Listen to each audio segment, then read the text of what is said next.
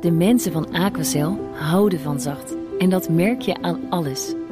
Dankzij hen hebben we nu echt zacht water en een kalkvrij huis. Voor hun klanten zijn ze zacht. Dat zijn ze trouwens ook voor elkaar. Voor ons zijn zij de kracht van zacht. Aquacel. 100% zacht water, 100% kalkvrij. BNR Nieuwsradio. BNR breekt. Ivan Verrips. Goedemorgen en welkom bij BNR Breekt. Of zoals collega's bij dit bedrijf dit programma noemen... het Jeugdjournaal, heb ik onlangs vernomen. Fijn is dat. De perfecte onderbreking van je werkdag. Vanaf half twaalf praat ik over het nieuws van de dag... over de verdere versoepelingen die vandaag zijn ingegaan. Wie om zes uur vanochtend op een terras zat, die mag zich melden bij ons. En de, we gaan het hebben over de formatie. Geert Wilders weet het zeker. Het wordt VVD, D66, CDA, PvdA en GroenLinks. En kunnen we in juli en augustus eindelijk op vakantie... dan wordt je vakantiegeld niet uitgekeerd. Mooi is dat. Dat is allemaal vanaf half twaalf. Um, we beginnen met het breekijzer. Dat doe ik natuurlijk met mijn panelleden. Hielke Onning, voorzitter van het CDA. Goedemorgen. Goedemorgen. En Pieter Lossi, adviseur van de VL-raad. Goedemorgen. Goedemorgen. Maar het komende half uurtje hoor je eerst... BNR breekt. Breekijzer. Ons breekijzer. Vandaag is het verantwoordingsdag, ook wel gehakt dag genoemd. De Algemene Rekenkamer is, as we speak, bezig met een persconferentie... om hun rapport te presenteren. Eh, het gaat er dan om, ja, al die miljarden van vorig jaar... zijn die wel uitgegeven zoals dat moet? Zijn er geen miljarden of zelfs miljoenen verkeerd besteed? Um, die documenten die staan nu een kwartiertje online... dus we hebben er als een speer doorheen gelezen... en we gaan er nu lekker oppervlakkig over praten. En we hebben natuurlijk een breekijzer voor je samengesteld. Een stelling waar jij op kunt reageren. Als je honderden miljarden uitgeeft, moet je niet piepen over die paar verspeelde miljoenen. Misschien ben je het eens en denk je, ach ja, het zou allemaal wat minder kunnen, maar op zo'n enorme begroting, dan zijn die paar miljoen ook peanuts. Of denk je, nee hoor, het is belastinggeld. Dat geld is niet uh, van Den Haag, het is geld van ons, van mij, van jou en mij. En uh, daar moet je op zorgvuldige wijze mee omspringen. Ik ben benieuwd hoe jij kijkt naar het uh, rapport van de Rekenkamer en wat zij, wat zij kon concluderen. we gaan het allemaal doornemen en jij kunt dus reageren. 020 468 4 keer 0 en de stelling dus, als je honderden miljarden uitgeeft... moet je niet piepen over een paar verspilde miljoenen. Um, ook bij me is Wiemar Bolhuis, die is econoom en bestuurskundige... verbonden aan de Universiteit Leiden. Goedemorgen, Wiemar. Goedemorgen. Nou, we hebben inmiddels uh, de eerste documenten gezien. Ik weet niet hoe ver jij bent met lezen... maar uh, in onze stelling staat nog uh, ergens een paar verspilde miljoenen... maar het gaat wel om een paar verspilde miljarden zelfs. Wat is jouw reactie op het ja. Ja, zeker. Nee, dat is uh, het interessante. Het gaat dus niet om een paar miljoen, maar het gaat... Uh, kijk, de Algemene Rekenkamer die kijkt altijd uh, of een bepaalde score wordt gehaald. Dus of 99% van de uitgaven van de, van de overheid... en ook van de verplichtingen, dus wat je contractueel aangaat... of dat in orde is, toematig en rechtmatig uitgegeven. Nou, op beide scores wordt nu niet gehaald. Het onder de 99%. En als je dat berekent over de hele rijksbegroting... gaat het om miljarden euro's die inderdaad dan niet toematig en rechtmatig zijn uitgegeven. En het gaat dus vooral over uitgaven uh, vorig jaar in de zorgcrisis en de coronacrisis door het ministerie van VWS. Dus over uh, nou ja, mondkapjes, uh, beschermingsmateriaal, ICT-achtige, intensive care-achtige apparatuur. en daar gaat het echt om, om miljarden. Dus ja. de, de, de, stelling is al eigenlijk een beetje achterhaald, ja. moet ik zeggen. Ja, nee, precies. Alleen bij VWS gaat het al om zo'n, nou, eens kijken, 9,1 plus 4,3. Dus zo'n 13 miljard, waarvan onduidelijk is of, of, of dat wel rechtmatig is allemaal. maar, maar wat is jouw oordeel dan over hierover. Want het is dus inderdaad nou, iets meer dan, uh, dan, uh, dan 1 procent. Um, bij VWS bij sommige bedragen 2,4 procent, 1,5 procent. Is dat te veel volgens jou? Ja, volgens de officiële regels is dat ja, dat veel. Ik, maar vind jij het ook te veel? De Algemene Rekenkamer zegt is van... Uh, op het moment dat je grote uitgaven doet, dan moet het parlement daar van tevoren goedkeuring op hebben gegeven. Dus het budgetrecht van de Tweede en de Eerste Kamer is, is daar belangrijk. En nu door de coronacrisis is het eigenlijk gebeurd dat het parlement heeft moeten tekenen bij het kruisje, zeg maar. Hè. Um, dus er is niet debat geweest voordat het in die zin uitgegeven werd. Is het, te, is het te begrijpen? Ja, het is zeker te begrijpen. Want het is eigenlijk hetzelfde wat we zagen na de vorige crisis. Op het moment dat er een, bij de financiële crisis dit ook. Hè. Er moet in een crisissituatie door de overheid snel worden ingegrepen. Er moeten uitgaven worden gedaan.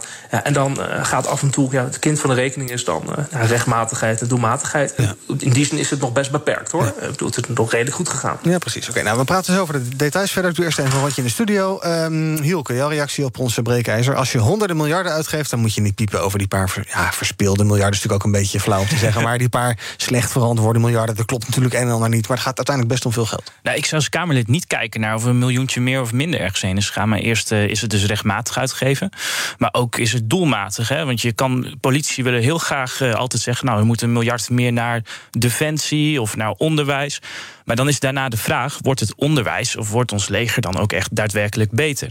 En dat, dat, dat spanningsveld, dat moet je als Kamerlid controleren. En ja, dan, als je dat goed kan, ja, dan kan je echt, want je, dit heet ook wel gehaktdag, echt gehakt maken van die ministers. Ja, want, hoe beoordeel jij dan uh, het, het, het, het, nieuws van vandaag? Wat bijvoorbeeld bij, bij VWS alleen al uh, 10 miljard de, de, de rechtmatigheid daar onduidelijk van is? Ja, dat verbaast me eigenlijk niet zoveel. Want het is natuurlijk corona geweest en het gaat vooral om beschermingsmiddelen. Als je dan even teruggaat in de tijd, ook dan heeft de Kamer daar, is daar zelf ook niet strak op geweest. Die hebben ook op een gegeven moment gezegd van... Uh, nou, regel dat gewoon en denk niet aan de kosten... want we hebben nu al die beschermingsmiddelen nodig... want dan kan alles meer sneller open... en dan gaan er minder, worden minder mensen ziek.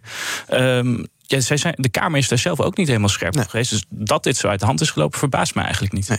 Pieter, jouw reactie op ons breekijzer. Niet uh, piepen over die paar verspeelde miljarden. Ik, ik voel op zich wat uh, Hielke zegt. Uh, tegelijkertijd, ik bedoel, nu we in Nederland een situatie hebben... waarin een bijstandsmoeder nog ineens boodschappen van bijvoorbeeld... Een, een moeder of een vriendin mag aannemen... maar de overheid hier uh, in bepaalde mate bepaalde voorbeelden die gegeven worden, zoals één plaatsing van een bureau wat 10.000 euro zou kosten, ja. uh, dat de overheid daar zo laconiek mee omgaat, dat is problematisch. Tegelijkertijd, dus wat Hielke zegt, hebben we bijvoorbeeld ook een situatie gehad waarin Jansen eerder naar VWS stapte en zei: jongens, wij hebben een vaccinatiemachine nodig in Nederland, zodat wij straks ook, als het toevallig gaat werken, die vaccinaties van ons, zodat we dat snel kunnen uitrollen in Nederland. Daarvan heeft de overheid toegezegd nee, dat gaan we niet doen. Vinden we te veel risico. Mhm. Uh, vervolgens hebben we daar nu spijt van. Wat ik ermee wil zeggen is dat als je altijd maar dat geld per definitie laat doorberekenen, uh, dat je uiteindelijk wel uh, de fout kan begaan dat je alleen maar achter die feiten blijft aanlopen. En zeker in zo'n crisis snap ik dat je daarin soms meer risico neemt. Ja, dus je kan, je kan niet altijd op, op safe spelen. Dat werkt niet altijd. Nou, ehm, wie maar, we hebben, nou ja, wat ik zei, we zitten die documenten allemaal door te lezen. de rekenkamer, en dat doen ze natuurlijk al de afgelopen jaren al, die constateert ook dat dat probleem niet opeens vorig jaar begonnen is. Uh, in de afgelopen 20 jaar hebben ze al 17 keer onvolkomenheden bij het ministerie van VWS uh, eh, geconstateerd. Wat, wat, wat kan jij een beetje schetsen? Wat gaat daar zoal mis en hoe kan dat?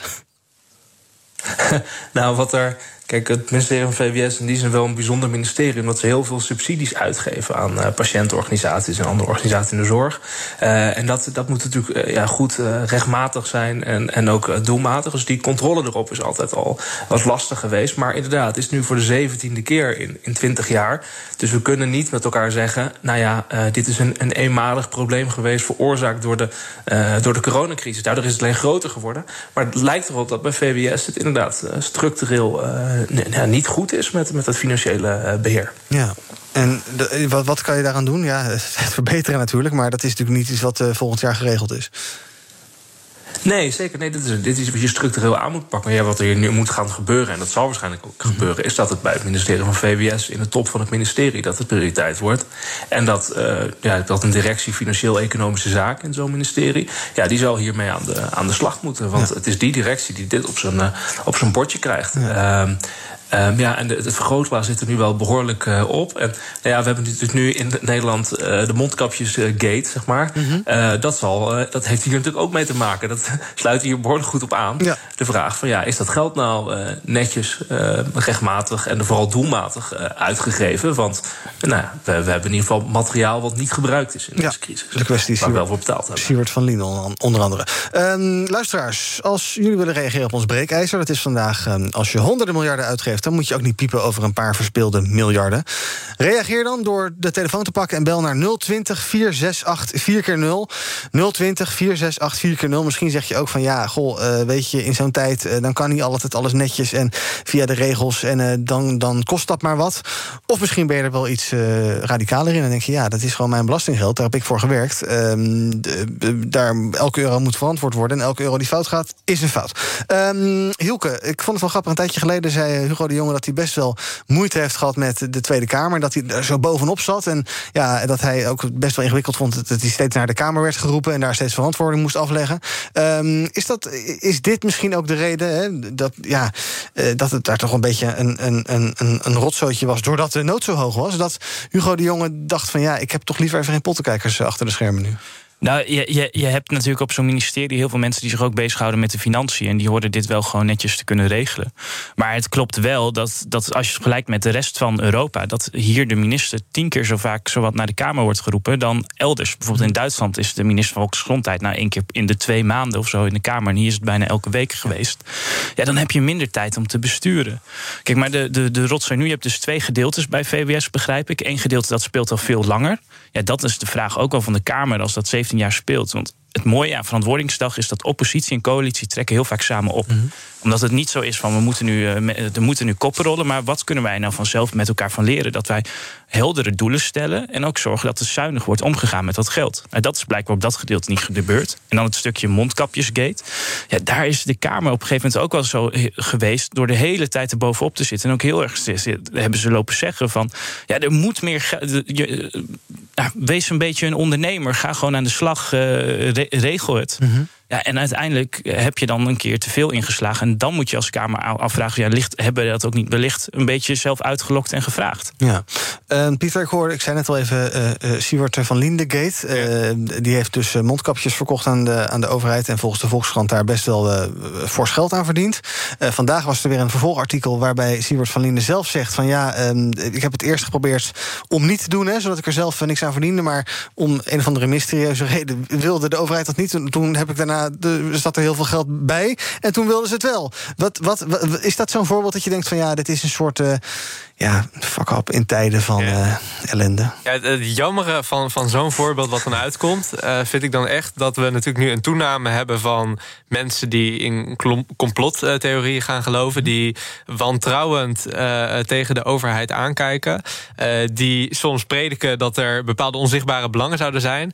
En dat je inderdaad nu zo'n voorbeeld krijgt waarin een CDA-prominent, namelijk Siewert van Liene, die ook in de partijprogrammacommissie heeft gezeten, nu zo'n bedrag uh, toegespeeld krijgt. Uh, onder motieven die anders waren dan hoe hij die openbaar deelde. Mm -hmm. We hebben dat eerder gezien natuurlijk ook met die. dat had aanbesteed moeten worden, moeten worden, maar bijna die miljard die is gegaan naar dat bedrijf dat die testsamenleving ja. zou gaan opzetten. Met daar ook linken naar het CDA. nu wil ik zelf niet in, in die verdachtmakingen en die complotten oh, vallen. Maar je, ik snap heel hoor. goed ja. dat mensen zoiets hebben van ja, jongens, als dit gebeurt, uh, waarom zou dan niet nog veel meer kunnen gebeuren? Ja. En dus moet je als overheid ten alle tijden voorkomen dat je nou, in ieder geval zulke belangenverstrengeling uh, zo goed mogelijk uh, weet te voorkomen. Ja. Koert, goedemorgen. Goedemorgen. Zeg het maar. Uh, jouw reactie op ons breekijzer. Namelijk, uh, wat is dat breekijzer weer? Iets als. Uh, ja, als je honderden miljarden uitgeeft, dan moet je niet piepen over een paar verspeelde miljarden. Wat vind jij? Ja, ik vind dat een nogal perverse opmerking. Ik ben zelf ondernemer in Amsterdam. Uh, als je nu kijkt uh, naar wat de ondernemers is aangedaan door de regering het afgelopen jaar. Hè, want uh, ja, laten we, laten we dat niet eventjes opzij zetten. Daar, er zitten echt tienduizenden ondernemers aan de rand van de afgrond. Dan heb ik het niet alleen over horeca, maar ook ik ben zelf gelieerd daaraan. Ik heb dat ook. En wij moeten iedere euro verantwoorden. Mm. dus waarom zou de overheid het niet moeten? Want het is sowieso ons geld. En dat wij nu een belastingsschuld met z'n allen aan het opbouwen zijn. Want het stond in de, in de krant ook van de week. Die ondernemers die gaan sowieso een heleboel daarvan gaan alsnog omvallen. Want de support die we hebben gehad is echt zo minimaal. En ze doen het voorkomen aan de mensen of wij geholpen worden. Maar dat is gewoon helemaal niet zo. Je, heel veel ondernemers die ik ken en ik zelf ook moeten al heel veel terugbetalen nu zelfs. Ja. Dus, uh, en die moet je ook nog eens een keer de support die je krijgt, moet je bij je inkomen of bij je omzet optellen. En dan mag je nog eens een keer belasting over gaan betalen. Dat weet ook niemand. Nee. De media rept daar met geen woord over. En ik vind dat dat gewoon zeer eenzijdig is, sowieso die berichtgeving. En ik vind het een perverse uh, uiting om te zeggen van nee, als je, als je toch al zoveel miljarden uitgeeft, met die, met die paar miljard, misschien wel met 1 miljard, hadden we, ik weet niet hoeveel duizenden ondernemers kunnen redden. En mensen ook van faillissementen en van zelfmoorden en van noem het maar op. Hè. En ook dat, dat, dat voorbeeld van een andere luisteraar van die uh, alleenstaande moeder. Ik vind het nogal decadent en pervers om die uiting te doen. Ja. Uh, mensen die dat zeggen. BNR Breaking News. Dankjewel, Koert. We gaan eerst even naar nieuws dat net binnenkomt. Namelijk dat de Europese rechter een streep heeft gezet... door de goedkeuring voor de staatssteun aan KLM zou je denken dat heeft uh, direct gevolgen voor KLM. Dat is niet per se zo. De gevolgen daarvan worden wel opgeschort. Het is nieuws dat net binnenkomt, dus we gaan dat uh, verder bestuderen. Je hoort daar uiteraard uh, later meer over in deze uitzending. Ehm, maar nieuws dus over de staatssteun aan KLM. Daar is toch iets niet helemaal goed gegaan. Ehm, maar de gevolgen daarvan worden tijdelijk opgeschort. Meer daar later over. wij praten nog verder over ons breekijzer... over de overheidsfinanciën... naar aanleiding van Verantwoordingsdag... het document van de Rekenkamer. En ons breekijzer dus, waar Koert net over belde... die um, reageerde op de stelling... als je honderden miljarden uitgeeft, moet je niet piepen over een paar verspilde miljarden. Wil je ook reageren? Pak je telefoon en bel nu 020 468 4 keer 0 020 468 4 keer 0 um, ik zag dat uh, de Rekenkamer ook een soort van uh, heeft ingegrepen. Ze hebben een bezwaar gemaakt tegen de gang van zaken bij VWS. En dat noemen ze zelf een uitzonderlijk instrument dat ze zelden inzetten. als jij even verplaatst in Hugo de Jonge, maakt hij zich zorgen of denk je van niet? Nou, het is inderdaad een heel, heel zwaar signaal van de Algemene Rekenkamer. Uh, je geeft echt aan van je hebt wel je hebt geld uitgegeven. Het is gewoon echt niet goed gegaan. Het is de tweede keer dat de Algemene uh, Rekenkamer uh, dit doet. dus ja, hij moet zich zeker zorgen maken. Er zal natuurlijk een politiek debat komen over de vraag hoe is de coronacrisis verlopen en hoe is er toen opgetreden. Nou ja, en daar zal het debat zal gaan verlopen op deze manier. Dat Hugo de Jonge zal zeggen: ja, het was crisis, we stonden onder tijdsdruk. En daarvoor hebben we. En de Kamer die was aan het morren. Dus we hebben uh, snel stappen moeten uh, nemen. En daardoor ja, zijn we wat minder zorgvuldig geweest. Aan de andere kant, de mensen die zeggen. En dat was Koert die het net zei aan de telefoon, geheel terecht. Ja, het gaat om miljarden euro's. Iedereen in Nederland moet netjes zich verantwoorden. Waarom moet, moet de overheid dat niet? En nou, ik vind dat een heel, heel terecht debat. Als je in Nederland altijd maar kan zeggen.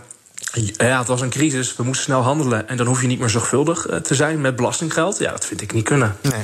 Wat er nog meer uit dit uh, rapport komt, Pieter... is dat de, de, de Kamer, of dus de, zowel de Eerste als de Tweede Kamer... meerdere malen voor voldongen feiten zijn gesteld. Um, is dat verrassend? Of ja, kijk, het gaat natuurlijk allemaal niet zoals het zou moeten... maar hoe kwalijk is dat? Ja, uh, ik vind dat uh, toch wel kwalijk. Omdat je uh, zeker in het begin van die coronacrisis een soort tendens had. Ook onder nou, best wel veel, veel mensen gewoon. Die zoiets hadden van jongens, het is nu een crisis. En dat betekent dat we gewoon ook bepaalde fundamentele grondwetten nu even moeten inperken. Terwijl ik juist denk dat eh, wetten en ook natuurlijk die verantwoording naar zo'n democratisch uh, hoge macht als de Tweede Kamer, juist in zo'n crisis essentieel is. En als dan ook uit zo'n rapport blijkt uh, dat bijvoorbeeld tienduizenden gegevens van Nederlandse reizigers op het ministerie van BZK beschikbaar waren bij honderdduizenden, of in ieder geval tienduizenden ambtenaren ook, dan maak ik me wel zorgen hoe we zowel materieel als immaterieel ervoor kunnen zorgen dat we ook in die toekomst ook tijdens crisissen zulke fundamentele grondrechten van mensen hier in dit land uh, kunnen blijven beschermen, ook als overheid zijn. Ja. Um, wat mij ook opviel, Hilke, is uh, Defensie. Daar wordt, uh, er wordt over gesproken door de Rekenkamer. Defensie kampt sinds 2018 al met gebrekkig inzicht in de staat van het vastgoed. Er is ook helemaal geen vooruitgang geboekt vorig jaar. De achterstanden in het onderhoud liepen verderop. De Rekenkamer noemt dat zorgelijk, want ja, um, die militairen moeten wel op een veilige manier kunnen werken. Um, ernstige onvolkomenheid. Ja, de, de, de, rekenkamer komt natuurlijk nooit met goed nieuws. Alhoewel, ze zeggen ook altijd in een persbericht aan het begin... dat ze wel sympathiek zeggen ze van... ja, we hebben ook heel veel waardering voor de overheid... want uh, iedereen is opeens eh, met stoom en kokend water gaan thuiswerken... 175.000 ambtenaren. Er ging ook heel veel goed, uh, ICT-afdeling enzovoorts. Maar uh, bijvoorbeeld deze, deze probleem bij Defensie, zegt, wat, wat zegt dat jou? Ik denk dat Defensie heel blij hiermee is met het rapport. Mhm. Want die geeft al veel langer aan. Wij willen veel meer geld erbij. Mijn broer is trouwens militair. En die heeft me ook wel eens filmpjes laten zien van vastgoed inderdaad. Nou, dat er gewoon dat, dat barakken. Kazernes en dergelijke. Kazernes gewoon. Uh, ja, dat, dat daar gewoon rot uh, aan de muur zit. En dat mensen daar ook echt wel ziek zijn van geworden. Ja. Uh, dus dat het echt heel slecht aan toestaat. Ja, dus Defensie is wel blij, want die willen graag meer geld erbij. En ja.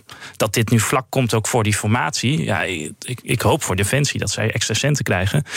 Maar het ding blijft natuurlijk ook wel. Het zijn ook altijd keuzes maken uit schaarste. Ja, ja extra centen. Of hebben ze de centen die ze hebben niet goed besteed? Uh, dat, dat is dat met verantwoording ja. besteed je je, je, je geld ja. ook goed. Maar goed, ik wil meer, Defensie kan hiermee misschien de boer op, maar het is natuurlijk ook een, een vingerwijzing naar Defensie zelf.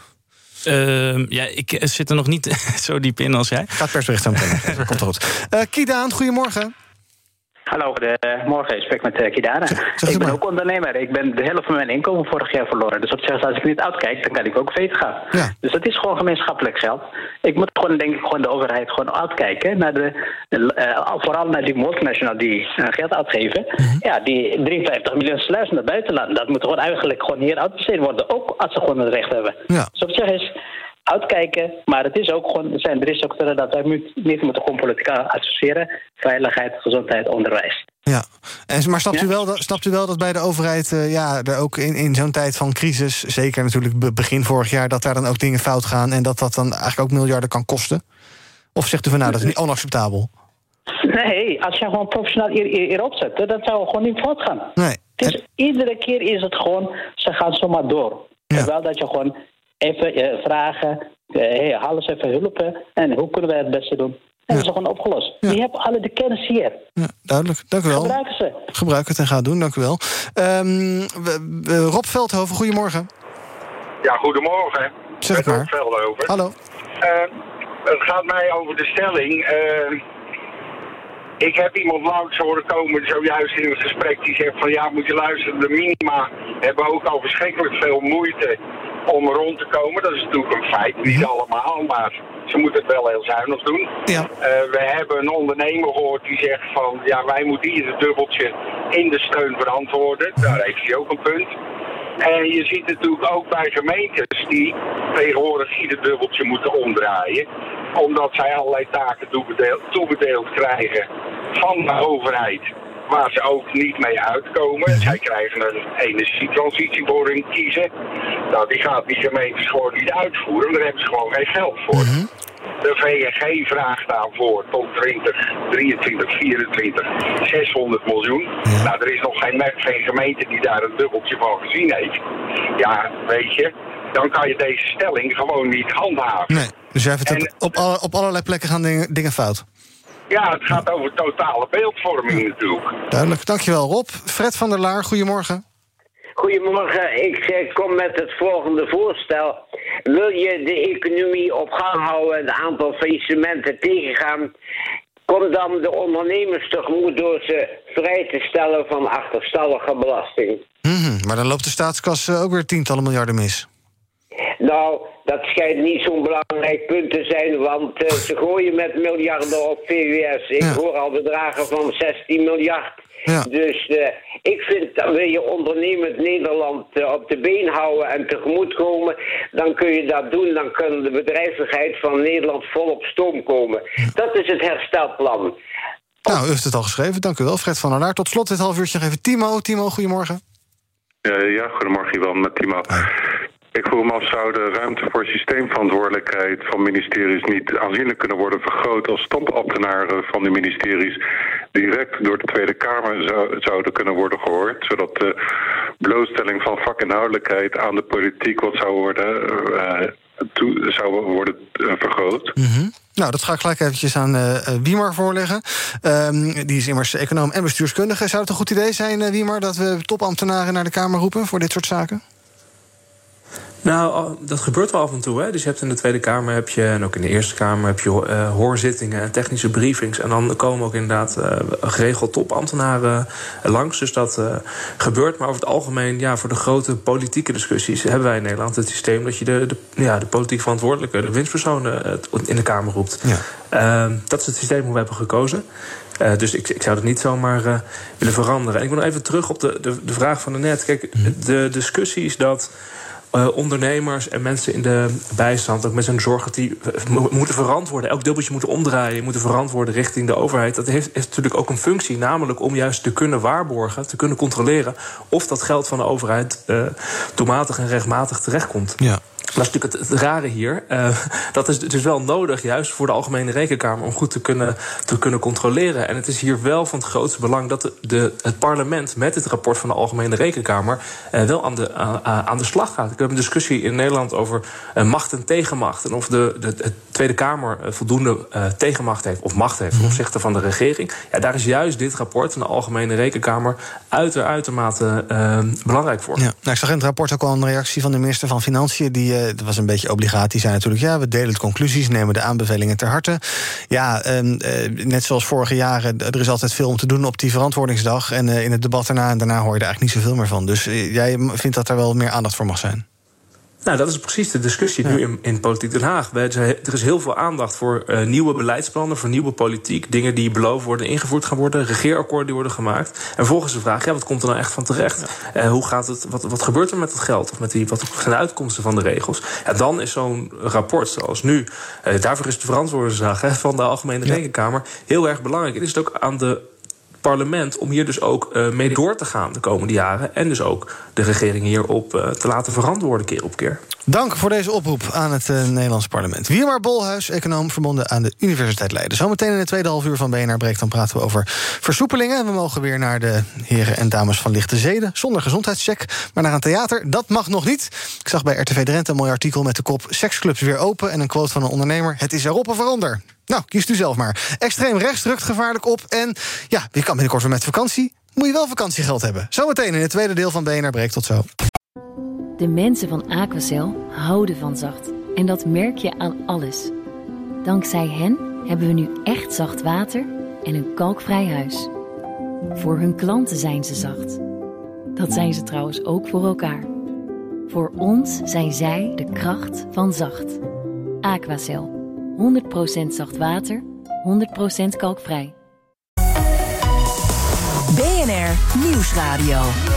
BNR breekt. Ivan Verrips. Welkom terug in mijn panel vandaag. Pieter Lossi van de VO-raad. Althans, adviseur van de VO-raad nog wel, hè? Yes, ja, heel zeker, goed. ja. En Hilke Onnik, die is eh, voorzitter van het CDA. Nog wel.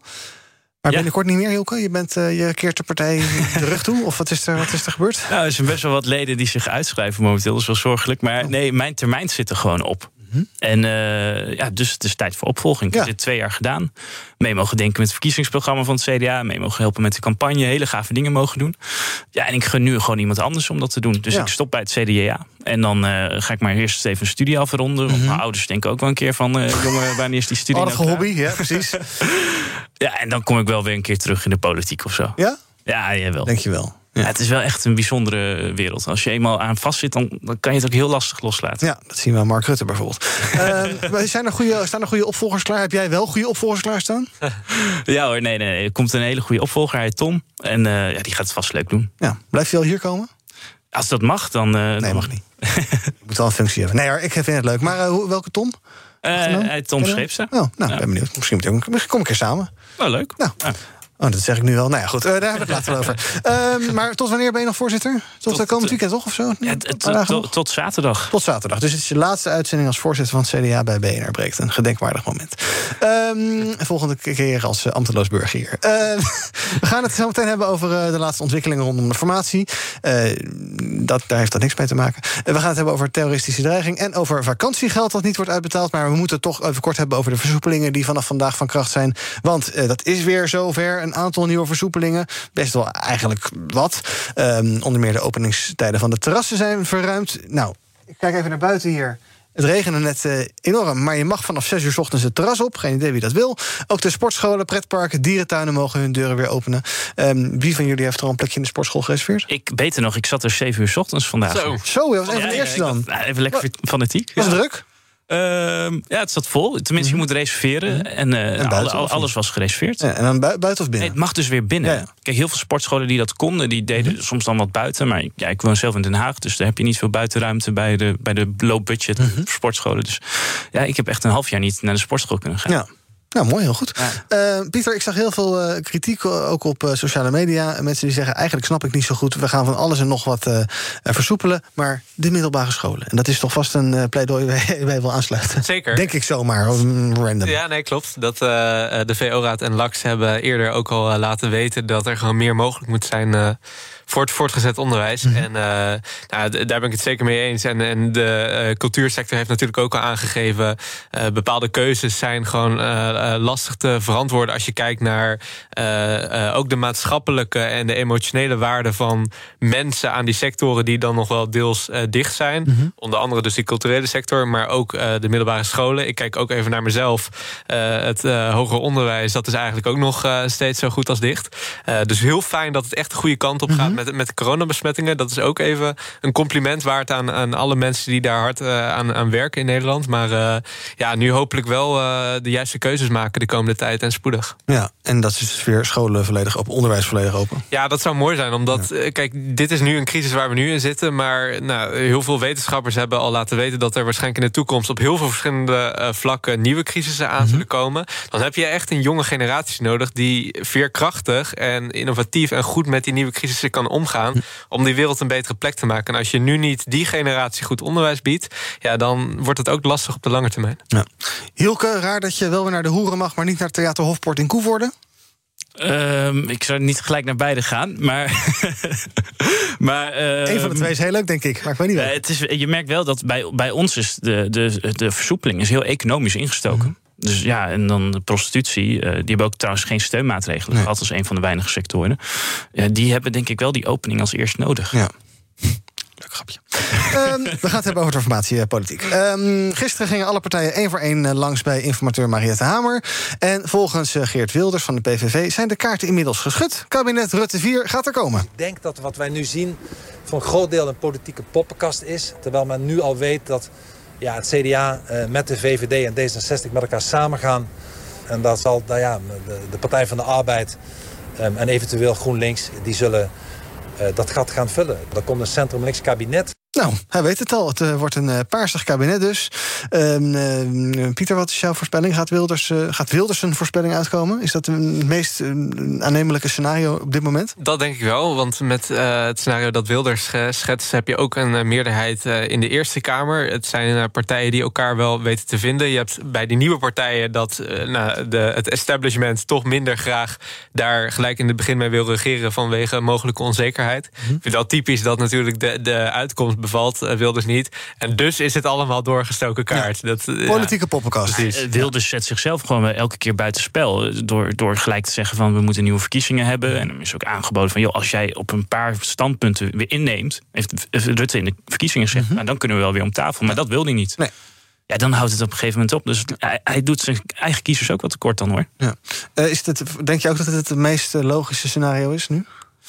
Um, nee, ik denk dat er nog wel een partij afvalt. Uh uh, GroenLinks of PvdA, of dat kan ook de ChristenUnie, zou ook kunnen als je het CDA meerekent. Ik vind het wel heel spannend op zich, want je hebt dus de, eigenlijk de vrij grootste partij met een hele duidelijke ideologische mhm. stroming. En die gaan nu samen in een kabinet. En juist dat is volgens mij, doordat je die, die partijen niet meer botsen, omdat ze elke keer samen verder moeten, mhm. heeft dat voor zoveel fragmentatie gezorgd. Dus ik ben heel benieuwd hoe je dat dan gaat ondervangen als kabinet. Ja, ja, want hier, hoe ga je hier ook een regeringsprogramma opschrijven... met inderdaad VVD, CDA, D66, PvdA, GroenLinks? Je, je moet je voorstellen, 40 jaar geleden had CDA, VVD, PvdA samen meer dan 120 zetels. Mhm. Dus je komt met twee partijen uit en nu zit je met, met vijf partijen... Ja eigenlijk heel verschillend. Maar we moeten toch weer compromissen sluiten. Dus gaan we en eigen kiezers misschien teleurstellen. En dan krijg je nog meer versplintering of nog meer partijen. Wordt het nog lastiger. Ik ben bang dat dat de uitkomst wordt van zo'n kabinet. Ja, en dan is dus de vraag: wat, waar gaan we eigenlijk naartoe met dit land? Want ja, eh, de, de, de, de VVD zal veel moeten toegeven aan linkse partijen. En uh, ook andersom dus. Uh, de linkse coalitie zal heel veel concessies moeten doen. Ja, je krijgt een soort uh, van alles nog wat regeerakkoord. mee eens. En dat is problematisch. Tegelijkertijd, laten we zeggen, de vraag die hier wel boven hangt is... is dit een fout van dit systeem? In hoeverre je die fragmentatie een fout kan noemen? Of is dit een fout van de deelnemers van dit systeem? Ik bedoel, je kan minstens net zo goed ook uh, de regerende partijen verwijten... dat zij de afgelopen jaren uh, Nederland op heel veel vlakken... niet, niet een betere plek een plaats uh, hebben gemaakt. Natuurlijk onder andere met de toeslagenaffaire... maar ook met vele andere crisissen die er uh, zijn geweest... en niet altijd even goed zijn uh, verholpen. Mm -hmm. dus wat dat betreft hoop ik juist ook dat wel die fragmentatie... niet alleen iets is waarvan we zeggen... oh, dat is echt onwenselijk ja. en we kunnen niet verder. Maar dat het ook iets gaat zijn om voor partijen... om weer zichzelf misschien uit te vinden... om weer te gaan zoeken naar politiek die daadwerkelijk verbindt... met de mensen in de samenleving Om zo samen dat systeem en die deelnemende partijen hopelijk naar een volgende stap te brengen. Ja, nou, Rutte is blijkbaar ook weer helemaal back on track. Um, ja, Hielke, dan moet ik het toch even over Wopke Hoekstra hebben. Die zegt zelf dat het nog alle kanten op kan. Ik heb steeds gezegd dat ik me zeer wel kan voorstellen dat wij als CDA in de oppositie gaan. Maar dat ik me ook zeer wel kan voorstellen dat we deelnemen aan een volgend kabinet. Maar dat zullen we afhankelijk maken uh, van uh, met wie dat is. En uiteraard in het bijzonder over welke onderwerpen. Ja, nou, met wie dat is, uh, stel dat we de, het voorstel Wilders even volgen... dan gaat het CDA toch gewoon toetreden tot een nieuw kabinet. Dat is toch, ja, dat hoort toch, bestuursbeleid? Um, ja, de, de, de, de kans is aannemelijk. Je, je, moet gewoon kijken, wat, wat valt er nou voor jezelf uit te halen in zo'n kabinet? Wat wil je bereiken? Als, als nou, dat je meer kan winnen in een kabinet dan in de oppositie... dan snap ik wel dat je uh, het kabinet instapt. Ja. Uh, goede aanpak van Mariette Hamer om eerst dat herstelplan te doen en dan de rest? Ja. ja, dat denk ik wel. Uh, ook omdat, denk ik, burgers nu wel uh, uh, verlangen naar een keer die inhoud. Het heeft uit heel veel onderzoeken blijkt ook dat burgers het hekelen dat politiek veel te veel met zichzelf bezig is en te weinig met de inhoud. Mm -hmm. Tegelijkertijd, wat nog wel voor het CDA geldt. kijk, Mark Rutte blijft natuurlijk nog gewoon aan bij de VVD. Gaat waarschijnlijk een Rutte 4 vormen.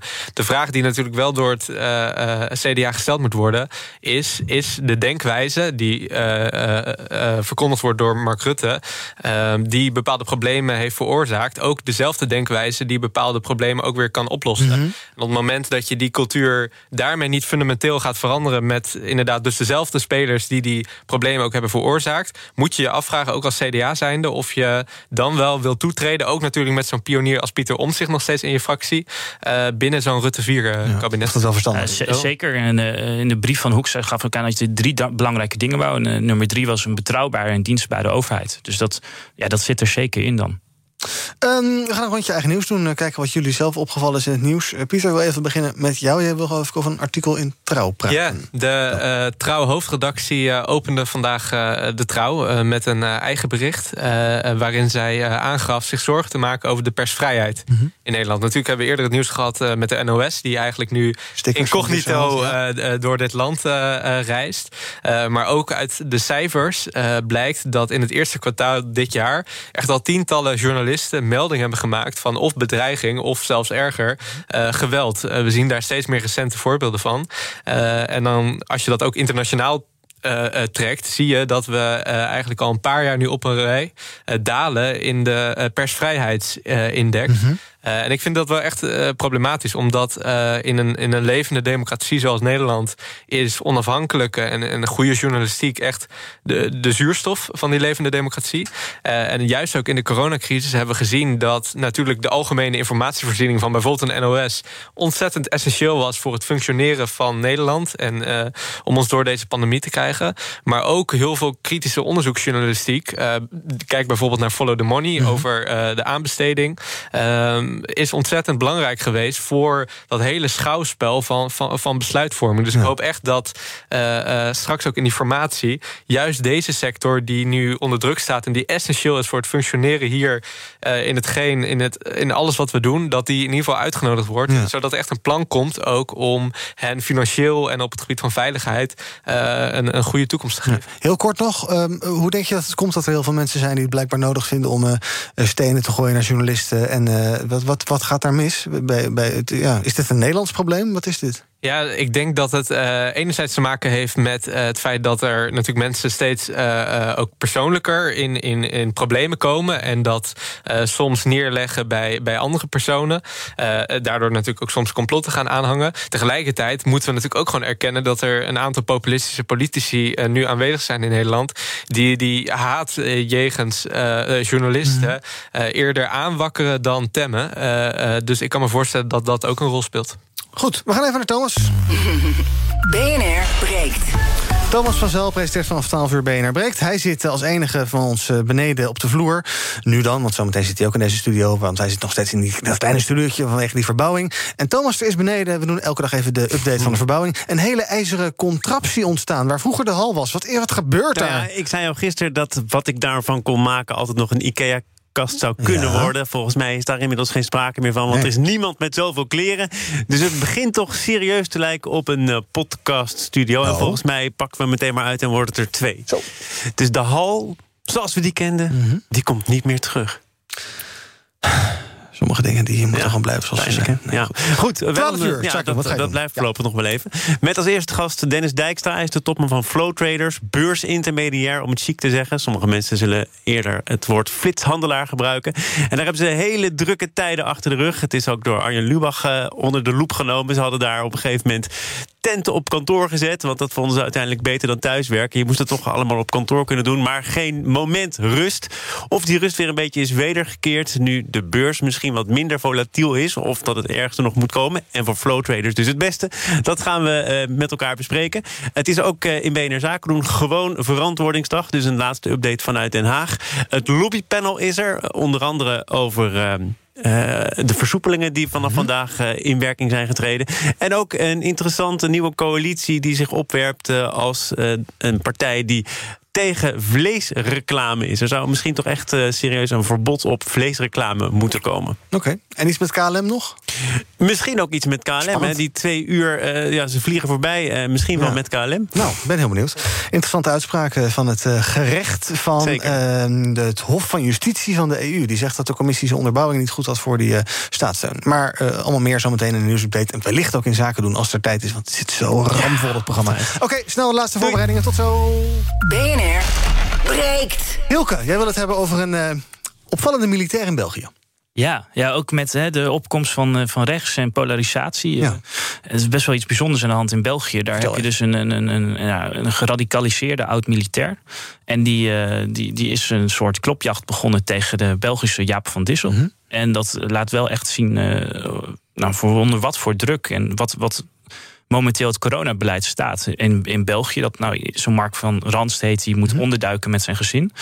Eh, ja, en mij baart dat zorgen. Ook omdat in, in, in Nederland zie je ook eh, steeds meer complotten eh, worden aangehangen. En er hoeft er maar één tussen te zitten. En dat bleek ook onlangs uit onderzoek. Dat je hebt niet alleen maar meer moslimradicalen, maar je ziet dat ook aan de, aan de extreemrechtse, diep conservatieve flank. Dat daar ja, ook steeds meer mensen komen die denken van, nou, ik kan wel de wapens oppakken. Ja, en dan denk je dus niet dat dit... want dit is een vent die was geloof ik met eh, semi-automatische wapens... en had ook een raketwerper, een raketlanceerder had hij bij zich... en hij houdt zich nu ergens schuil in de bossen van Belgisch Limburg. lekker dichtbij, blijf lekker daar. Ehm, eh, dit is niet één iemand die... eh, dit, dit staat niet op zichzelf. Dit is geen gek die... nou, het is wel een gek, maar... Ja, die, de, de, de AIVD komt dan met steeds meer rapporten hierover. En dan denk je, ja, dit zijn rapporten en er is onderzoek naar. En dan zo'n voorbeeld, dit maakt het gewoon echt heel erg concreet. En ja, wat voor België geldt, we maken wel eens vaak moppen over... maar eh, daar doen ze niet, gebeurt niet veel anders dan in Nederland. Nee. Nou, je zei al eh, extreem rechts. Ehm, eh, Oud-journalist Nicky Sterkenburg die heeft een promotieonderzoek geschreven. Ehm, zij is tegenwoordig werkzaam bij de NCTV. Dus zij weet alles van terrorisme, bestrijding en veiligheid. En zij zegt van ja, er zijn een aantal activisten die actief zijn in dat extreemrechtse, in die extreemrechtse groepen. En die zijn in staat tot een aanslag. En ehm, eh, eigenlijk hebben we daar te weinig zicht op in Nederland. Ehm, eh, is dat iets, Pieter, waar jij, waar jij je zorgen om maakt? Is eh, rechtsextremisme gevaarlijker dan linksextremisme? Of welke extre- extremisme dan ook? Zien, Ja. we iets, zien we iets over het hoofd? Ik, ik, ik heb op het gebied van extremisme zelf ge- geen onderzoek gedaan. Dus ik kan het niet eh, vergelijken, dat weet ik niet. Eh, wat wel zo is, is dat natuurlijk een van de grootste eh, goeden in dit land is die democratische rechtsstaat. En ik ben zelf een groot voorstander van het scherp houden van die democratische rechtsstaat. Bijvoorbeeld via burgerlijke ongehoorzaamheid. Maar op het moment dat je daar overheen stapt, en inderdaad via bedreigingen, via, via geweld, via ondemocratische, onrechtsstatelijke manieren ja, op punt probeert door eh, te drukken, ja, dan, dan, gaan we, dan zinken we echt heel diep als, als land zijnde. Eh, dus ik hoop echt dat dit niet een of andere blinde vlek blijkt te zijn over een paar maanden als er een aanslag ergens is. En dat de AIVD hier zo snel mogelijk induikt. Eh, en dat we inderdaad ook niet ehm, eh, massaal in Nederland natuurlijk die woede hebben gehad en nog steeds tegen moslim-extremisme. maar selectief zijn als het aankomt op rechtsextremisme. Dat we dat in die zin gewoon gelijk behandelen zonder dat er een of andere politieke eh, eh, lading nog achter zou liggen. Want Hielke, zie jij dat ook, dat eh, rechtsextremisme eh, genormaliseerd wordt... en dat dat eigenlijk steeds eh, verder opschuift wat nou extreem is en niet? Mm, ja, je ziet dat bij Forum voor Democratie. Dat dat steeds, steeds eh, meer alt-right wordt. En eh, dat, we dat, ja, dat, dat dat genormaliseert. Ik ben daar zelf ook heel kritisch op, op mijn, eh, op mijn partijgenoten in Brabant, die nog altijd met FVD samenwerken. Ik denk dat je echt wel een keer een grens mag stellen. Ja, en dus die grens is inmiddels wel bereikt, wat jou betreft. En die was voor mij al heel lang bereikt. Maar ja, ik zit daar niet aan de knoppen. En ik ben straks ook nog weg als CDA. Oh, wat heerlijk dat je alles kan zeggen wat je wil. Dan kan je echt vrij uitspreken, heel goed. Ehm, we gaan nog even kijken wat er uh, training is op de socials. Want ehm, het is bijna 12 uur, dus dan moeten we afronden. Schijnt. Dan doen we eerst even kijken wat dus training is op de socials. Onder andere...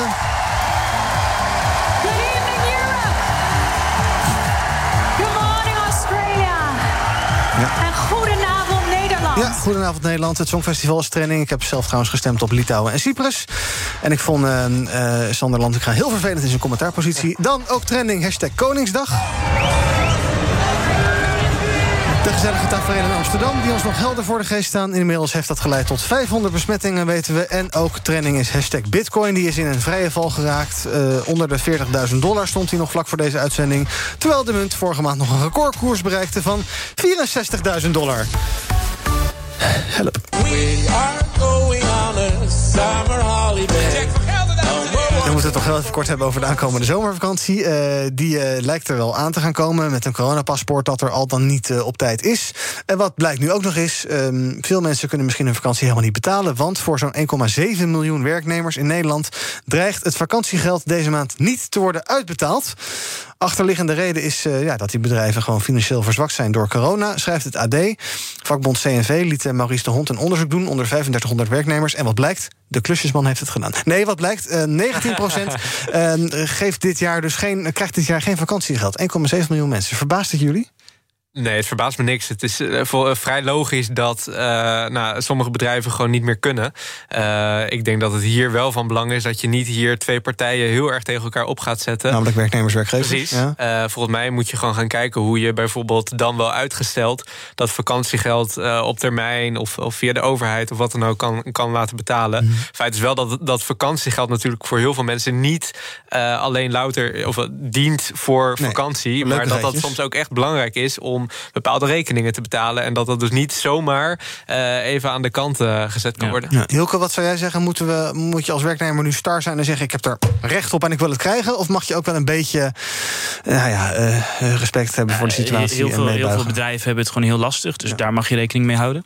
Nou, er is een groep in Nederland die kan vakantiegeld missen. Maar er is inderdaad ook een groep dat, die er niet mee op vakantie gaat. Maar als je net even die nieuwe wasmachine nodig hebt, ja. dan is zijn dit extraatje opeens in de zomer uitbetaald is dan heel erg fijn. Ja. Je hebt die verbouwing of zoiets. Ja, ja we hebben ook verbouwing.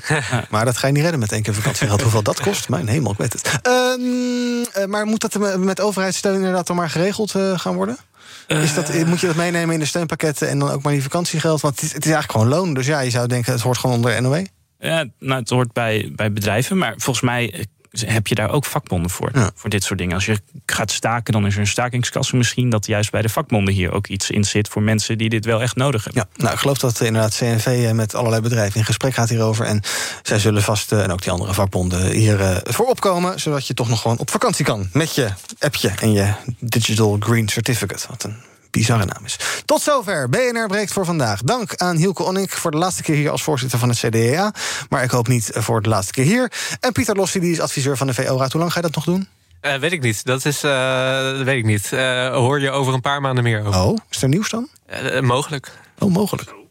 Dat is een politiek. Dit is, uh, je mag uh, liegen over je toekomst in de politiek, heb oh, ik geleerd. Kijk, nou, weer wat geleerd. Goed, uh, wij gaan je zo meteen nog even verder uit horen. Dat doen we buiten de uitzending. Morgen ben ik er weer. Tot die tijd gaan we ons volgen via Twitter, Instagram, YouTube, waar je wil. TikTok nog niet dus, nog steeds niet. Zometeen zaken doen met Thomas. Tot morgen. De mensen van Aquacel houden van zacht. En dat merk je aan alles. Dankzij hen hebben we nu echt zacht water en een kalkvrij huis. Voor hun klanten zijn ze zacht. Dat zijn ze trouwens ook voor elkaar. Voor ons zijn zij de kracht van zacht. Aquacel. 100% zacht water, 100% kalkvrij.